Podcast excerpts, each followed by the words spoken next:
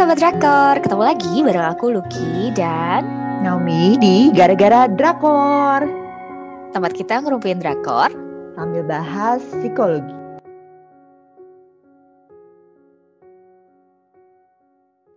Nah, Iya. kita mau bahas satu drama yang baru aja tamat Pas kita Yes. rekam ini sih baru tamat kemarin tadi malam, gitu. tadi malam ya. Tadi malam tadi malam dan drama ini sih kayaknya nggak jarang orang ngomongin gitu di antara drama-drama beken yang lagi tayang. Drama apa Ki? Dramanya judulnya Hello Me. Gitu.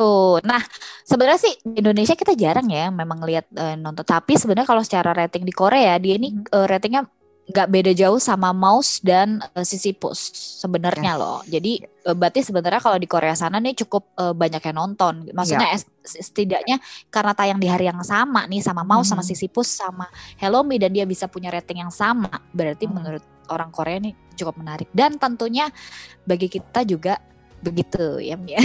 Yes. Buat kita justru bagus ada drama ini di tengah drama-drama Yes. yang bikin pusing, drama-drama psikopat lah, apalah gitu. Jadi kita senang sih ada drama ini karena biasanya abis nonton Mouse kita akan nonton ini atau sebelumnya kayak gitu. Betul. Nah, eh, pertama sih kita nggak nggak terlalu nyangka bahwa ini bakal ternyata bagus gitu ya Mi ya. Mhm, Karena kita awalnya eh, jadi kita sinopsisnya dulu kali ya yang Hmm. belum pernah eh, dengerin kita yang sebelumnya. Eh, Hello Me ini ceritanya tentang Ban Hani yang berusia 37 tahun di tahun 2020 itu yang merasa hidupnya tuh kayak sial dan nggak punya apa ya nggak punya hal yang bisa diraih lah pokoknya hidupnya nggak enak banget dia sudah lelah dan tiba-tiba dia karena suatu kejadian datanglah eh, dirinya dia yang berusia 17 tahun gitu. Jadi Hmm. dari 20 tahun yang lalu datang ke tahun 2020. Misinya adalah misinya kalau kita tangkap dari keseluruhan episode ini misinya Ban Hani adalah untuk membuat membangun kepercayaan diri Ban Hani yang berusia 37 tahun kayak gitu. Yes. Gitu. Jadi Hmm. eh tadinya sih kita pikir ini drama romance ya karena kan Iya, posternya ada si Kim Yong Kwang dan si Choi Kang Hee ini berdua gitu. Tapi ternyata romance-nya tuh dikit banget, hampir nggak ada malah. Ketipu poster ini iya namanya. iya iya bener. Dan ini mostly adalah komedi gitu, komedi tapi Yes. ada slice of life-nya gitu. Jadi ada meaning-nya juga gitu. Jadi eh dan komedi tuh receh banget, bener-bener untuk ditonton dan gak usah mikir gitu karena lucu Yes, banget bener. gitu. Benar benar benar. Eh, tapi ketika kita bilang lucu banget eh, Hmm. harus dipahami ya teman-teman bahwa eh, kalau berdasarkan teori pun memang selera humor orang tuh beda-beda gitu ya. Kebetulan selera humor eh, gue sama Naomi itu sama. Kita tuh anaknya receh. Jadi yang eh, recehan-recehan yang nggak perlu mikir hanya dengan gerak-gerik konyol itu bisa bikin kita ketawa. Jadi tapi buat orang yang mungkin gak suka eh, apa ya komedi absurd ini sebenarnya komedi absurd ya sebenarnya ya. Iya, mungkin gak akan terlalu ketawa. Tapi jujur bagi gue eh, kalau misalnya di antara Vincenzo yang awal-awal ya, gue nggak tahu, gue Hmm. belum nonton sampai yang episode akhir. Vincenzo sama Mr. Queen deh yang orang-orang bilang juga lucu. Bagi gue Hello Me ini lucu gitu. Bener bener bener. Sayangnya, sayangnya kelucuannya nggak tiap episode ya Mi. Enggak enggak enggak. Dia nggak tiap episode sih. Lucunya itu pokoknya ada gerakan-gerakan yang selalu bikin lucu. Belum lagi interaksi antara si eh, siapa tuh si Kim Yong Kwang sama si Anthony ini tuh kalau berantem tuh lucu banget gitu yang kayak apa sih? Ya, ya ampun, gitu. Jadi bukan lucu yang dipikir, bener-bener lucu kelakuan absurd gitu loh. Dan Ya, itu adalah eh, humornya Lucky dan Naomi banget sih yang pada dasarnya itu. Ya.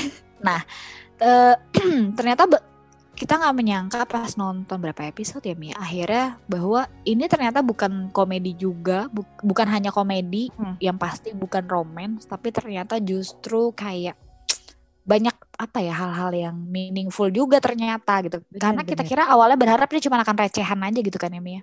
Bener-bener tadinya mikir ini tuh kayak eh, drama kayak healingnya si Ban Hani.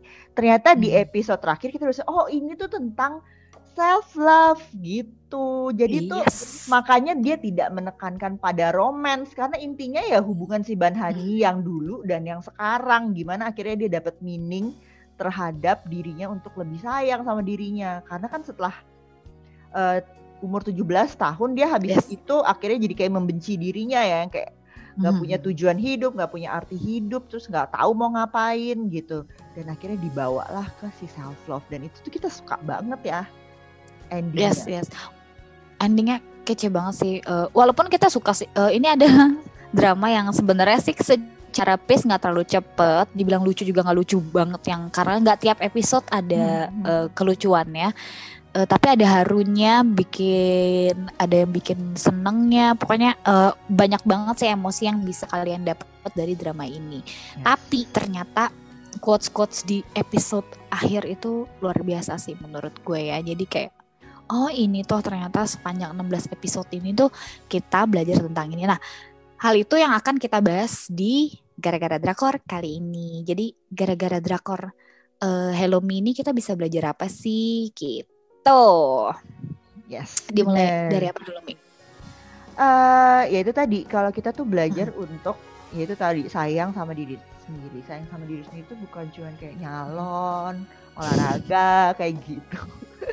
Tapi lebih ke karena kita kan suka yang jadi pengkritik terbesar dalam Ya. hidup kita tuh kita sendiri ya. Kalau kita ngelihat sih emang di sekitarnya Bahan itu keluarganya ya kakaknya suka suka nyebelin gitu. Tapi kan bukan berarti kakaknya nggak sayang juga ya pada dasarnya sayang cuman kayak love hate Ya, ya, ya, relationship benar. gitu Kayak betul. ibunya juga baik, neneknya juga baik, intinya semua keluarganya baik-baik aja. Cuman dia Mhm. jadi menyalahkan dirinya terus-menerus sampai akhirnya dia jadi kayak nggak ngerawat diri ya bener-bener Banhani yang di awal tuh ya rambut kusem, mukanya tuh mukanya jelek gitu ada ada ada freckles gitu. Jadi mungkin orang yang nonton di awal tuh nggak akan suka karena visual tokoh utama perempuannya tuh kayak nggak ada cantik-cantiknya dan sampai akhir pun nggak jadi dibikin cantik juga.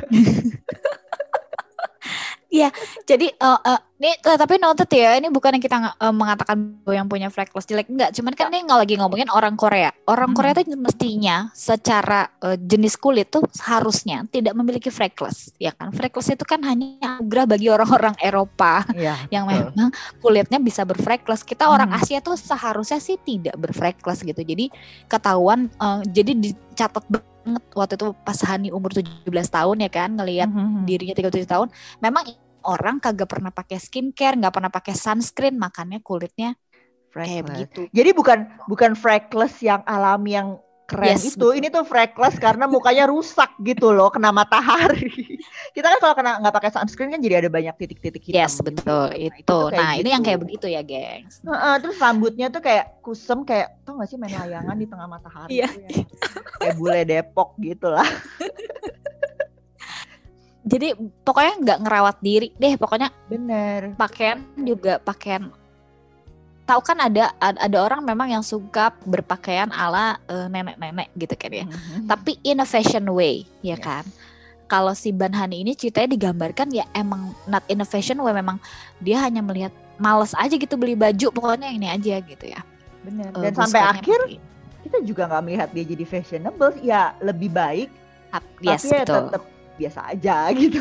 ya itu sebenarnya hal yang paling kita suka ya Mia Ya. jadi bukan berarti lo jadi harus ikutin tren bukan berarti lo harus jadi cantik banget kayak selebgram atau artis bukan tapi ketika si Banhani ini akhirnya eh, mengerti bahwa oh iya selama ini tuh gue kurang sayang ya sama diri gue nah ketika dia mulai merawat diri ya dia mulai eh, suka untuk terlihat cantik gitu Yes. kan ya rapih bersih dan wangi poinnya sih sebenarnya itu nggak yang jadi kayak tiba-tiba gayanya kayak selebgram atau fashion stylist ya nggak juga. Bukan kita nontonnya juga bukan jadi pengen ngikutin gayanya dia juga Nggak enggak, sih, nggak sih, ya gitu. kan ada Dan drama-drama yang kayak gitu ya karena saking stylishnya ih kece banget nih gayanya. Nah yang Ini- ini, ini- bukan gitu juga. Ini bukan Cinderella, jadi dia tetap biasa aja sampai akhir. Dan dia jadi poinnya adalah lebih ke sayang sama diri sendiri, lebih eh, menghargai diri sendiri. Dia kan sebelumnya akhirnya jadi membenci diri sendiri ya, karena dia nyalahin dirinya sendiri karena ayahnya meninggal. Menurut dia karena eh, penyebabnya tuh dia. Padahal ternyata nggak ada. Yang gue suka tuh ada satu adegan yang ibunya yang akhirnya Banhani muda Iya. tahu terus ibunya bilang maaf ya harusnya tuh aku udah bilang dari dulu kalau itu bukan salah kamu karena kalaupun ibunya yang melihat hal itu ibunya pun akan melakukan hal yang sama gitu untuk menyelamatkan anaknya. Itu tuh kayak "Ah, tidak ini terharu sekali.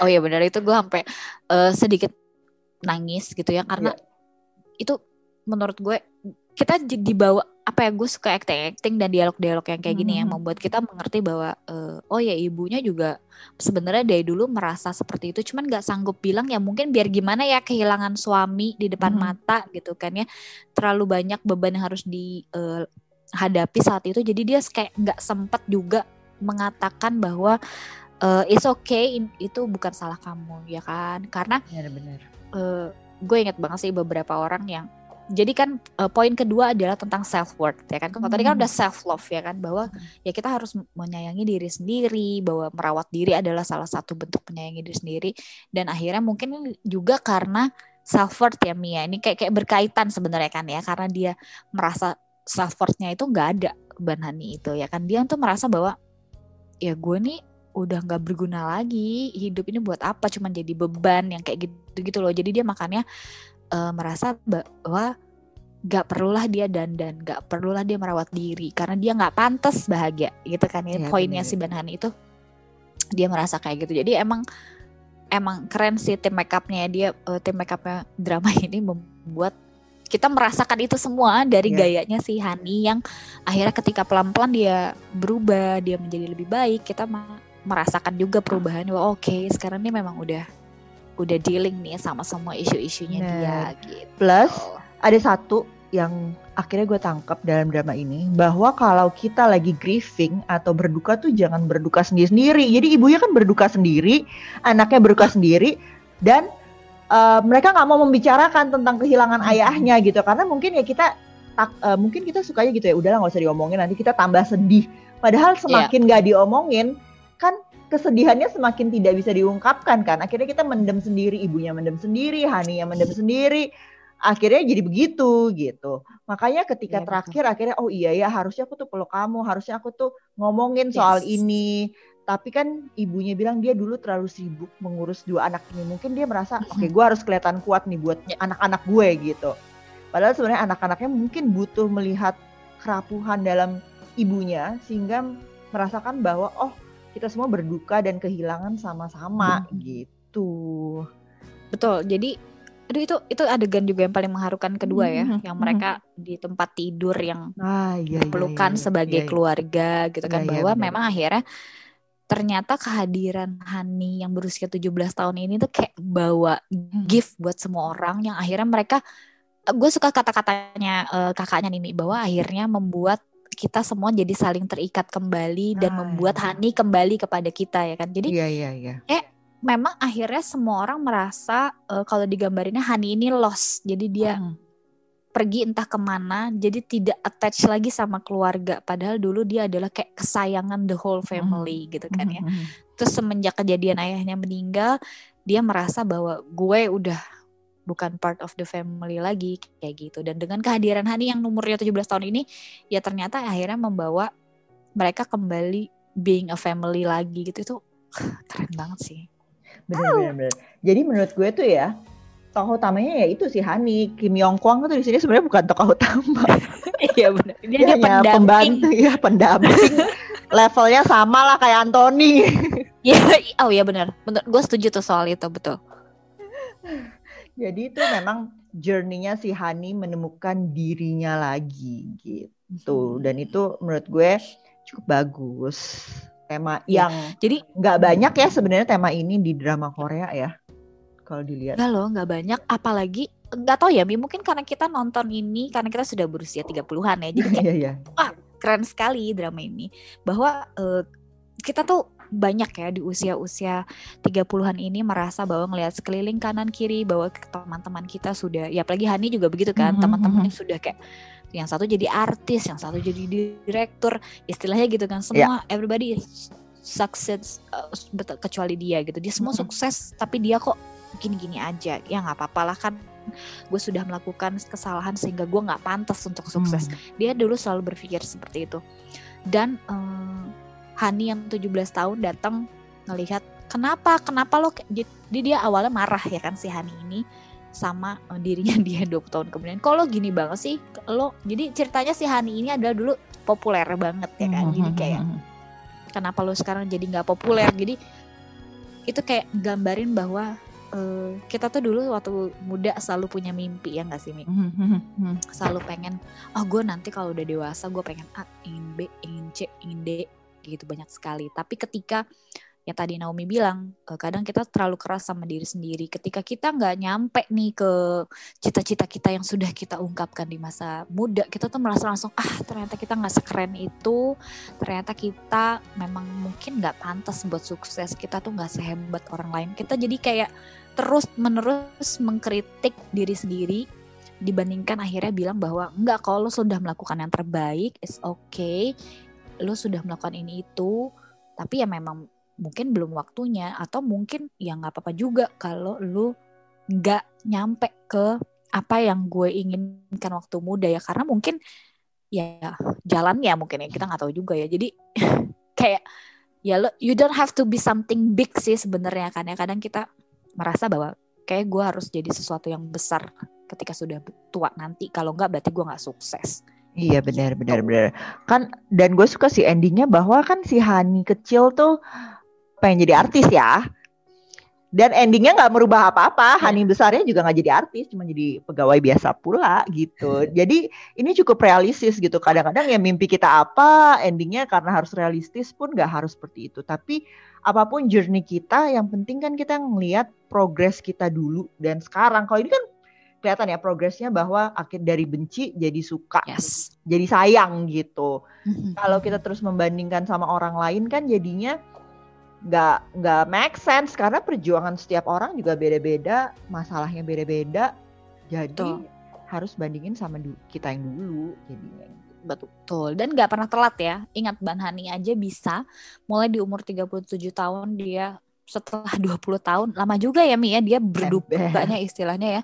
Dia 20 tahun do nothing tentang grievingnya dia tentang segala hal yang membuat dia uh, merasa bahwa dia nggak pantas untuk berbahagia tapi setelah 20 tahun dia akhirnya eventually bisa gitu. Jadi buat uh, kamu di luar sana yang berusia 30 tahunan ke atas yang sedang mencari hmm, walaupun orang bilang apa uh, cari jati diri di umur 25 tahun katanya mm -hmm. Mia. Mm -hmm. Tapi nggak apa-apa ya mungkin aja kamu udah pernah nemu waktu 25 tahun dan sekarang beda, sekarang berubah. It's okay itu perjalanan hidup ya nggak sih? Yes, bener karena journey setiap orang tuh beda-beda. Kalaupun dan standar sukses setiap orang tuh beda-beda yes. gitu. Jadi kalau menurut kita sih uh, Hani akhirnya menemukan suksesnya sendiri ya. Akhirnya dia lebih mm-hmm. sayang sama dirinya, ngerti keberhargaan dirinya. Mungkin dia yes. tidak tajir secara uang. Karena ya walaupun pacarnya adalah anak dari bosnya, pacarnya pun tidak dapat apa-apa. Iya. Pak uh, akhirnya di ending adalah pacarnya pun ternyata menjadi uh, juniornya dia di yes. kantor. Itu gitu. pun setelah tes gagal berkali-kali. Iya. Jadi emang kasihan nasibnya anak CEO yang satu ini ya. Iya benar. Jadi ya endingnya tuh uh, kehidupan nyata biasanya yang gak sukses-sukses amat gitu. Oh, iya iya, jadi kita tuh nggak terlalu dibikin ngawang meskipun nih sebenarnya genrenya malah fantasy ya, Mia. Hmm, hmm, hmm, benar benar. Jadi endingnya realistis uh, dan tetap ya setelah pacaran pun manggilnya ah Juma. Itu emang pacaran keterlaluan sih. Ya intinya ini adalah uh, percintaan Brondong dan tante-tante. Oke. okay. Jadi okay, begitulah uh, si Hello Me. Jadi mungkin ya. ini bukan yang lucu-lucu banget juga receh sih sebenarnya buat kita, tapi meaningnya tuh bagus dan kalau ada adegan yang mengharukan buat kita tuh mengharukan banget gitu karena cukup dalam ya gitu. Ya, Jadi kalau pusing dengan drama-drama yang ada sekarang harus mikir teori lah, ruwet lah, mendingan nonton ini aja. Bener banget.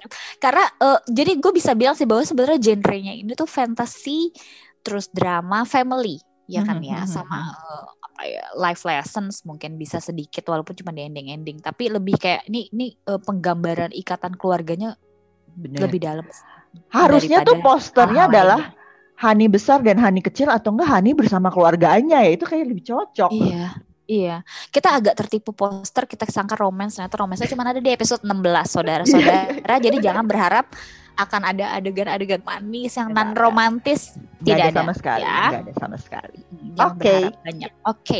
Nah, eh tapi eh, kalau tadi kan bagusnya, tapi kena apa sih kekurangan drama ini, Mi?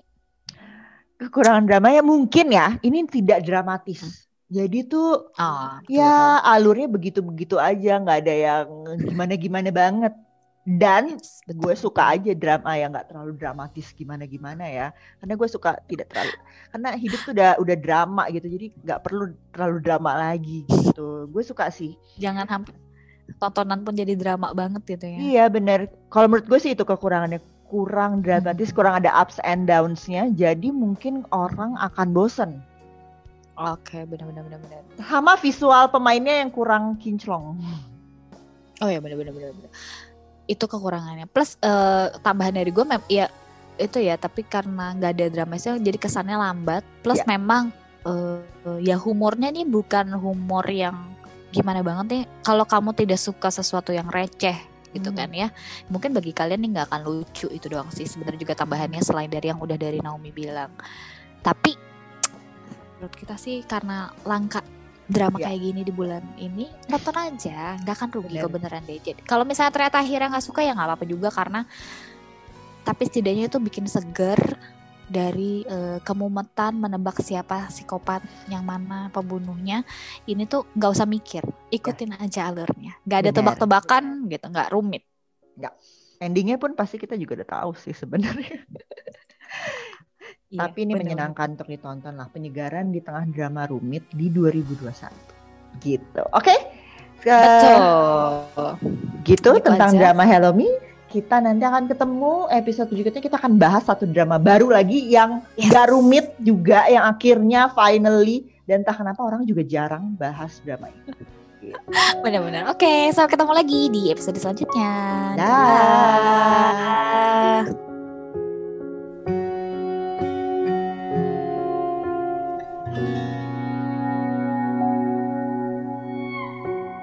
어디인지 알 수 없는 길을 걸어가 운